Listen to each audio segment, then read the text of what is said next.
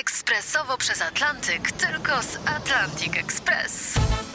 Z nami wyślesz co chcesz, kiedy chcesz, do kogo chcesz i to o 40% taniej. W Atlantic Express wysyłamy wszystko. 1 800 775 7363. Mienie przesiedleńcze, kontenery, paczki do Europy. Atlantic Express o 40% niższe ceny na wysyłki kontenerów, samochodów i paczek. Ekspresowo przez Atlantyk, tylko z Atlantic Express.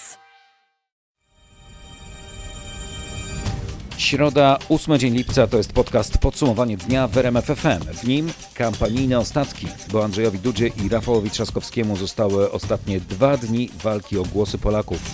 Dlatego kampania zdominuje ten podcast. Tomasz Stańszewski, zapraszam. Nie traćmy czasu. Zaczynamy zatem wyborczą grę na gesty i słowa.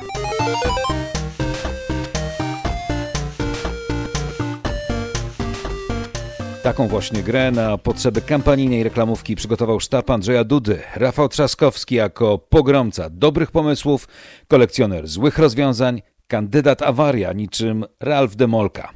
Trzaskowski odpowiada w zachodniopomorskiej Trzciance. 24 tysiące mieszkańców. Nie róbcie tego błędu. Nie wolno nie doceniać Jarosława Kaczyńskiego, bo on naprawdę jeszcze może sporo wymyślić rzeczy, o których nam się nie śniło. To on będzie decydował, jaki tu ma być pomnik, będzie decydował o tym, jaką układać kostkę. Nagle się może okazać, że może jakiś instruktor narciarski produkuje kostkę brukową. To właśnie Trzcianka jest dobrym przykładem, że w wyborach liczy się każdy głos.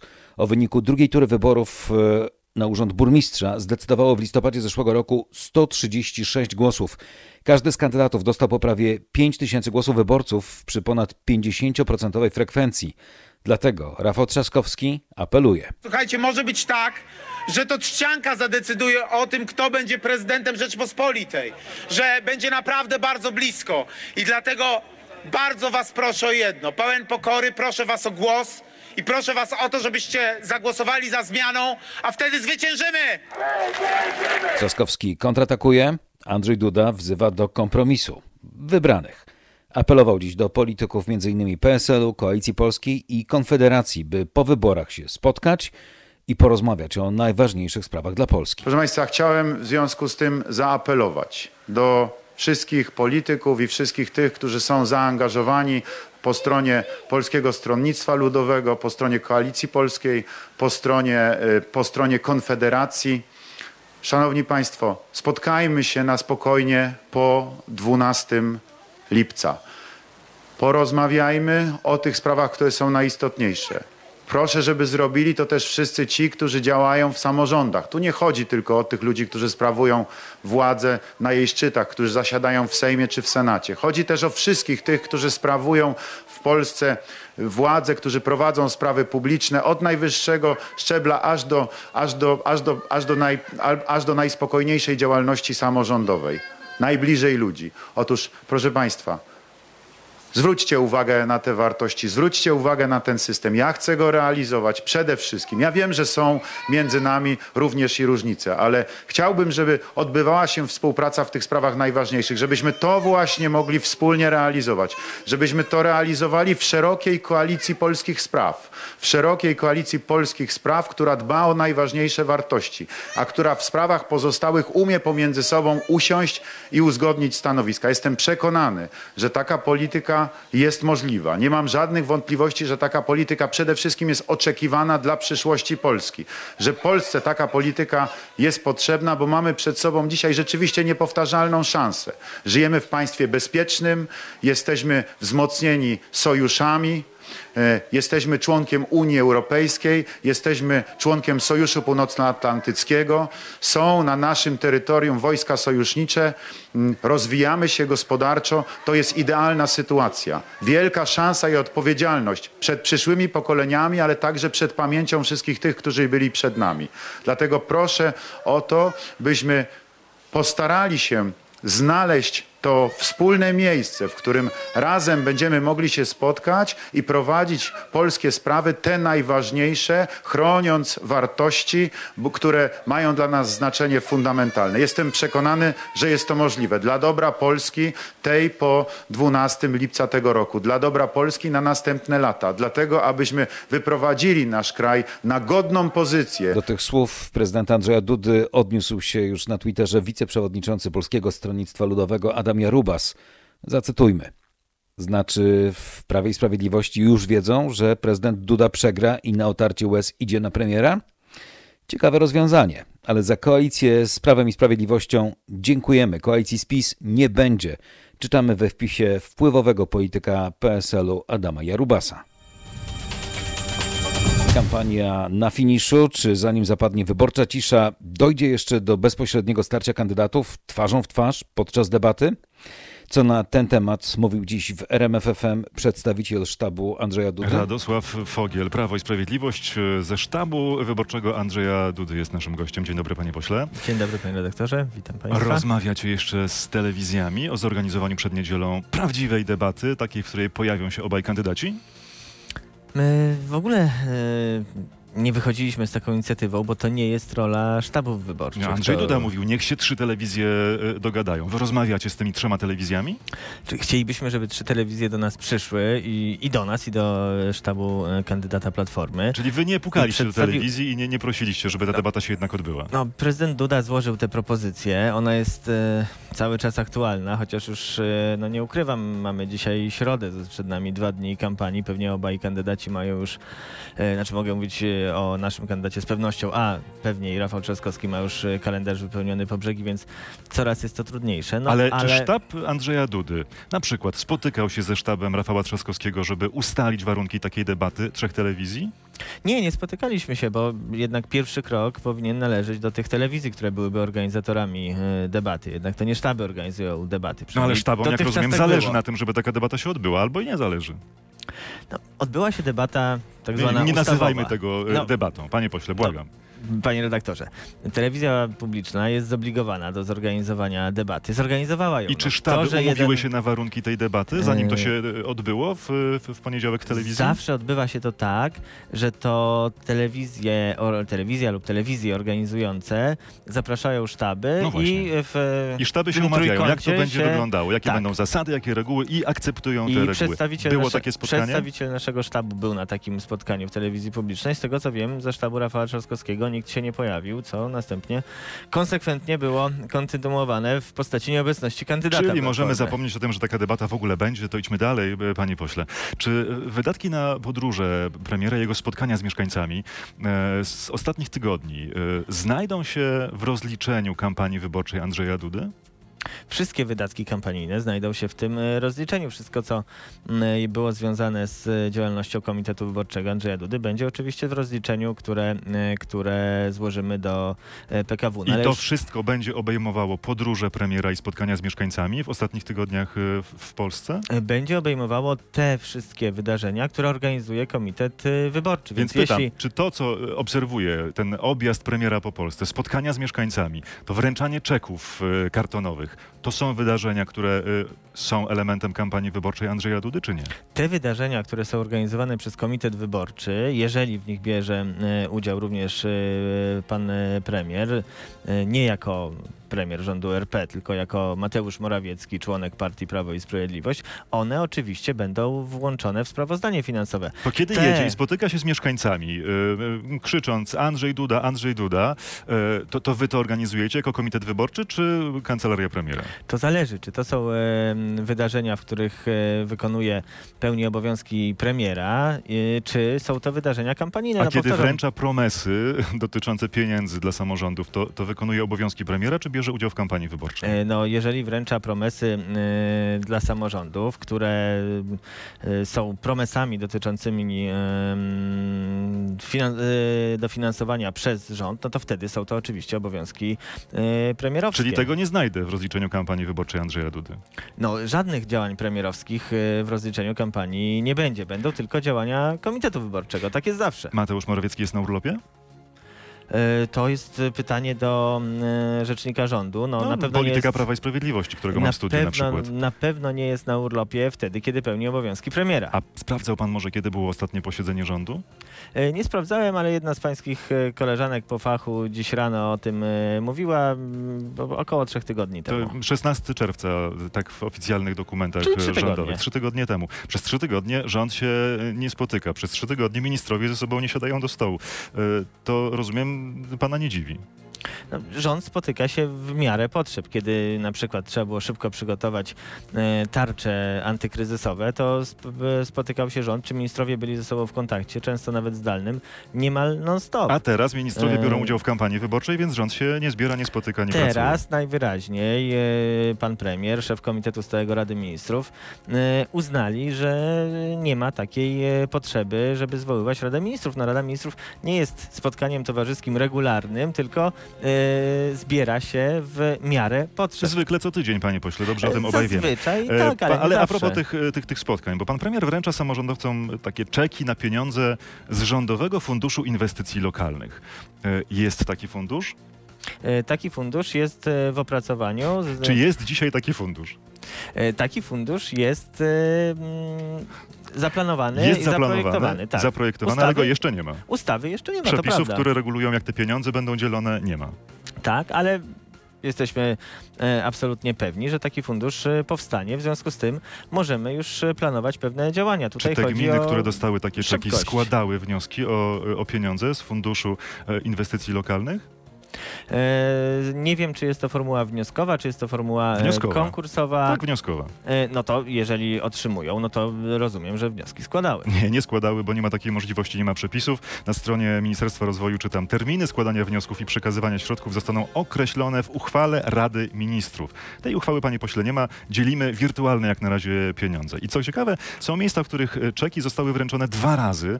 Mm, Raz przez premiera, a raz przez ministra albo posła Prawa i Sprawiedliwości. Co ciekawe, jeszcze bardziej, raz z Funduszu Inwestycji Samorządowych, a raz z Rządowego Funduszu Inwestycji Lokalnych. Dokładnie te same e, kwoty. E, Panie Cóż to takiego się wyrabia, ja się, ja się nie upieram przecież, potwierdzam, że e, ustawa powołująca fundusz dopiero zostanie uchwalona, ale to nie znaczy, że nie można tym samorządom wydawać promes, bo... Dwa na te- razy na ale- te same pieniądze?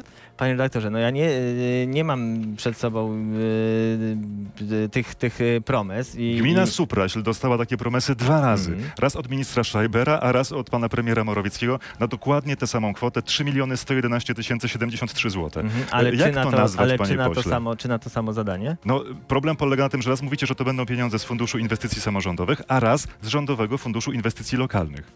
No, Dwie, dwa różne wydarzenia w kampanii wyborczej. Być może Fundusz Inwestycji Samorządowych e, będzie konsumował te wcześniejsze fundusze i e, I trzeba dwa razy je, e, e, te pieniądze zbierał, e, zbierał je w całość. No, nie ma w tym naprawdę nic e, nadzwyczajnego. Poza że... tym, że to kampania wyborcza. Nie, poza tym, e, że no tak działa promesa. Promesa nie jest przekazaniem środków, jest właśnie obietnicą przekazania środków, ale dzięki tej obietnicy samorządy już mogą na przykład opracowywać projekty. Na razie nie mogą, bo nie wiedzą dokładnie, jak będą mogły wydawać te pieniądze, o czym sami samorządowcy mówią, panie pośle. Szkoda tylko, że trzeba o tym przypominać obecnemu posłowi, byłemu samorządowcowi Radosławowi Foglowi. Rozmawiał z nim Marcin Zaborski, a cała rozmowa na filmie do zobaczenia na rmf24.pl. Premier i ministrowie wciąż w rozjazdach, jak słyszeliśmy, bynajmniej nie są na urlopie. Dziś szef rządu w czterech miastach, od Bełchatowa po Zwoleń. Po drodze Radomsko i fabryka meblowa Famek. Ktoś, kto potrafi sprzedawać swoje produkty do 60 krajów świata, musi być super konkurencyjny. I to, że takie wytwory, wspaniałe produkty wychodzą z pod rąk ludzkich, a jednocześnie ubogacane są współczesnym wzornictwem i nowoczesnym podejściem do potrzeb, do ergonomii, to jest naprawdę coś, co powoduje, że ta polska myśl inżynierska, a z drugiej strony design polski zaczyna rzeczywiście w Europie podbijać serca, podbijać salony, podbijać mieszkania, domy, biura we wszystkich krajach, które sobie tylko możemy wyobrazić. Gratuluję panu prezesowi, ale także wszystkim pracownikom, bo to, co tutaj zobaczyłem, to jest coś naprawdę niesamowitego. Technologia gięcia drewna pochodząca sprzed ponad 100 lat i właściwie unikalna, stosowana do dzisiaj technologia, w której Polska jest numerem jeden w Europie. Premier pod dyskretnym urokiem mebli giętych, tyle że metoda zapoczątkowana została w XIX wieku przez niemiecko-austriackiego stolarza, pioniera przemysłowej produkcji mebli Michaela Toneta. Jego krzesło numer 14, Konsumstuhl 14, nazywane jest krzesłem wszystkich krzeseł. Dostało złoty medal na wystawie światowej w Paryżu w 1867 roku. Do czasów współczesnych wyprodukowano prawie 60 milionów sztuk tego właśnie modelu, nie licząc kopii sprzedawanych przez konkurentów Toneta. O giętym fotelu prezydenckim na razie nikt nie wspomina, choć prace trwają. Wicepremier minister kultury Piotr Gliński o 9 jutro w Łodzi mówić ma o funduszu dróg samorządowych. Potem o 10 na węźle Emilia Autostrada A2 mówić ma o nowych rozwiązaniach technicznych budowanej drogi ekspresowej S14. O 11 minister kultury, przypominam, z powrotem w Łodzi realizować będzie w praktyce program Ekoremiza. Po południu wreszcie w temacie kultury spotkanie z przedsiębiorcami, środowiskami twórczymi i organizacjami pozarządowymi. Jak widać, kampania trwa. Do tej gry wyborczej wkracza chyba Najwyższa Izba Kontroli. NIK podjął dziś doraźną kontrolę w związku z przygotowaniem wyborów korespondencyjnych, które ostatecznie nie odbyły się 10 maja. Izba poinformowała, że kontrolą objęte są tutaj cytat wybrane podmioty związane z przygotowaniem głosowania korespondencyjnego. Żadna nazwa instytucji nie pada, o jakie podmioty może zatem chodzić? O tym teraz Tomasz Skory. Powinno chodzić o instytucje kluczowe w całej operacji. Decyzje nakazujące rozpoczęcie przygotowań do wyborów wydał Mateusz Morawiecki, a więc chodzi pewnie o kancelarię premiera, a polecenia w tej sprawie otrzymali szefowie resortów aktywów państwowych i spraw wewnętrznych, a więc inspektorzy NIK-u pojawią się zapewne w ministerstwach Jacka Sasina i Mariusza Kamińskiego. Jak z tego widać, podjęte dzisiaj czynności kierowanej przez Mariana Banasia NIK mogą mieć poważne skutki polityczne. Kontrola prawdopodobnie obejmie też spółkę spółkę Państwowa Wytwórnia Papierów Wartościowych, której premier nakazał wydrukowanie pakietów wyborczych oraz Pocztę Polską, która miała przeprowadzić ich dystrybucję. Inspektorzy mogą się też pojawić w PKW. Wszystkie zaangażowane w te niewydarzone wybory instytucje zwykle unikają udzielania informacji o swoich poczynaniach w tej sprawie. Jeśli ktoś jednak może do nich dotrzeć, to właśnie inspektorzy NIK. Kierowani przez pancernego Mariana, byłego doradcę ministra spraw wewnętrznych Antoniego Macierewicza, współpracownika Lecha Kaczyńskiego z czasów, gdy był szefem NIK, byłego szefa służby celnej, Krajowej Administracji Skarbowej, byłego ministra finansów w rządzie Mateusza Morawieckiego, ostatecznie prezesa Najwyższej Izby Kontroli z nominacji Prawa i Sprawiedliwości Mariana Banasia. Karateka z czarnym pasem, wobec którego Centralne Biuro Antykorupcyjne, przypominam, skierowało do prokuratury zawiadomienie o możliwości popełnienia przestępstwa poprzez złożenie nieprawdziwych oświadczeń majątkowych, zatajenie faktycznego stanu majątkowego oraz nieudokumentowanych źródeł dochodu. Wet za wet. Kandydaci na prezydenta obiecują niższe podatki, inwestycje samorządowe, wsparcie dla poszczególnych grup społecznych. Problem w tym, że obiecują coś, czego realizacja nie zależy bezpośrednio od nich samych. Krzysztof Berenda wyjaśnia zatem, co może prezydent gospodarczo. Jego najważniejszym uprawnieniem jest tutaj prawo weta, może więc spokojnie obiecywać, że zablokuje ewentualne podwyżki podatków, bo ma do tego prawo. No i obiecują to zarówno Andrzej Duda, jak i Rafał Trzaskowski. Prezydent natomiast nie ma mocy do wdrażania własnych propozycji. Oczywiście może składać projekty ustaw, ale ich przyjęcie zależy od parlamentarnej większości. W mijającej kadencji taki problem spotkał Andrzeja Dudę, który na przykład obiecywał pomoc Frankowiczom albo kolejne zmiany dotyczące przechodzenia na emeryturę. Złożył projekty ustaw, ale Sejm tak je zmienił, że że nijak to się miało do obietnic. Więc o tym pamiętajmy, jak znowu usłyszymy o wsparciu Frankowiczów albo o inwestycjach samorządowych. Prezydent gospodarcza ma natomiast jedno bardzo ważne uprawnienie. Za dwa lata będzie osobiście wybierał nowego prezesa Narodowego Banku Polskiego, bo wtedy kończy się kadencja Adama Glapińskiego, a to jedna z najważniejszych, jeżeli nie najważniejsza funkcja w polskiej gospodarce. Na niespełna cztery dni przed wyborami sprawdźmy też społeczne zapowiedzi obu kandydatów. Mariusz Piekarski uważnie je przeanalizował. Mariuszu, kto był mocniejszy w tym starciu? Andrzej Duda miał zdecydowanie mocniejszą kartę w pojedynku na programy społeczne. Transfery socjalne ostatnich pięciu lat i ich ochrona to większość programu Dudy. Ja nie chcę, żeby ktoś strzaskał nasze szanse rozwojowe. Andrzej Duda zaoferował też dodatek solidarnościowy dla osób najbardziej dotkniętych pandemią, ale nigdzie nie wyjaśnił kto i ile miałby dostać.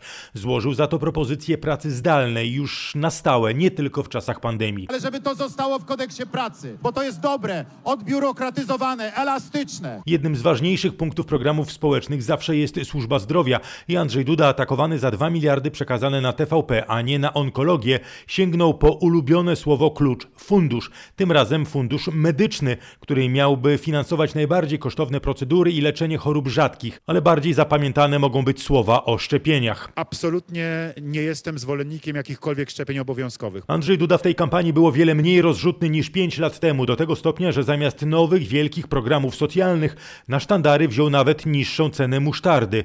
Skupiał się na przekonywaniu, że tylko on jest gwarantem, że wyborcy nie stracą tego, co już dostali. A co ma do zaproponowania drugi z kandydatów? Rafał Trzaskowski nie mógł konkurować na wielkie programy społeczne z Andrzejem Dudą, bo najpierw musiał sam zapewniać, że przekonał się i do 500 plus, i do 13 emerytury. Jasno mówię o tym, że program 500 Plus był słusznym programem i że będziemy go bronić. Trzaskowski w swoim programie mówił o darmowych żłobkach i przedszkolach oraz zapowiadał powrót do finansowania in vitro. Zapewniał, że nigdy nie podpisze ustawy zaostrzającej prawo aborcyjne. Zresztą bardzo mocno w kampanii akcentował sprawy kobiet. Między innymi obiecywał zrównanie wynagrodzeń kobiet i mężczyzn, a na finiszu dołożył dodatki do emerytury za wychowanie dzieci. To akurat na stole położyła jego żona Małgorzata. Przynajmniej 200 zł za każde dziecko. Trzaskowski za każdym razem wytykał Dudzie, że zamiast na onkologię wolał dać 2 miliardy na propagandę w TVP, a sam obiecywał oczywiście większe nakłady na służbę zdrowia i brał w obronę lokalne powiatowe szpitale. Dzisiaj są albo w stanie upadłości, albo są zagrożone zamknięciem. Trzaskowski mocno akcentował chaos w edukacji na własnym przykładzie. Razem siedzimy po nocach z dzieciakami nad książkami. Córka nasza za przeszła Polski. przez deformę edukacji. Tak. Mówiąc o polityce społecznej, Trzaskowski musiał balansować między deklaracjami współpracy z rządem, a zapowiedzią zerwania z partyjną prezydenturą sterowaną z Nowogrodzkiej. Warszawa, Mariusz Piekarski. Która wizja Dudy czy Trzaskowskiego zwycięży, przekonamy się 12 lipca. Przed nami druga tura wyborów prezydenckich, oczywiście w reżimie sanitarnym. Dziś w Polsce potwierdzono kolejnych 277 nowych zakażeń koronawirusem. Na COVID-19 zmarło 15 kolejnych osób. Których województw dotyczą te nowe przypadki zakażeń, mówi Janusz Cieszyński, wiceminister zdrowia. 96 na Śląsku to są, Szanowni Państwo, e, rodziny górników, czyli osoby, które przebywają w kwarantannie, czyli tu nie ma ryzyka dzięki tym środkom, które przedsięwzięliśmy wspólnie z inspekcją sanitarną, że te osoby e, zaraziły kogokolwiek innego.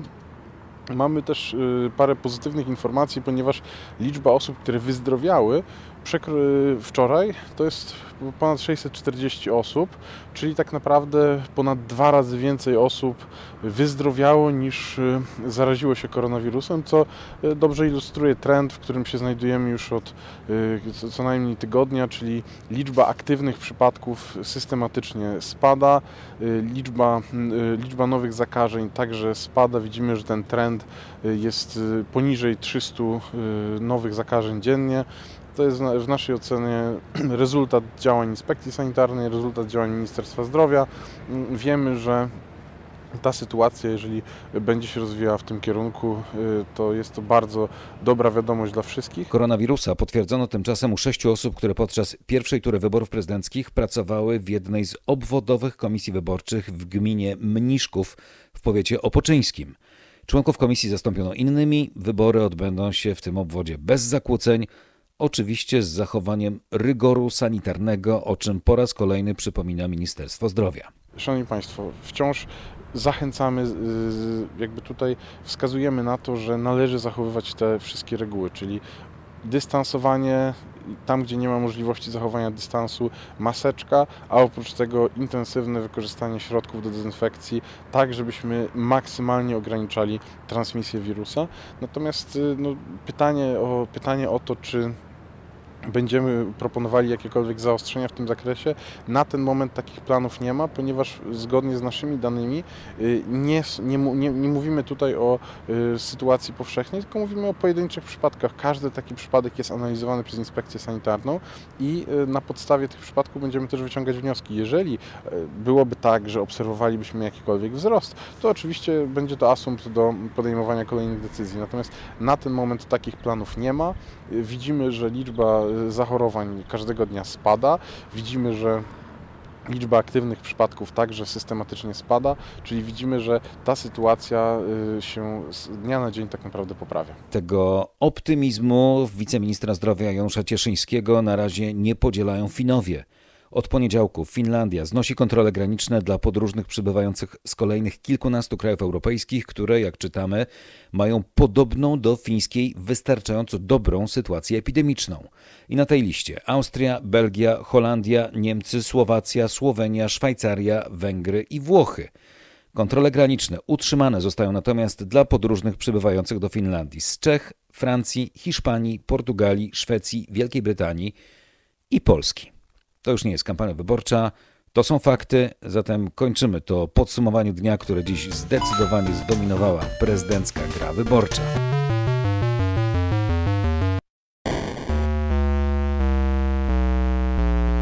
W RMF FM fakty co godzinę, przez całą dobę, na bieżąco aktualizowane informacje oczywiście na dobrze poinformowanej stronie rmf24.pl.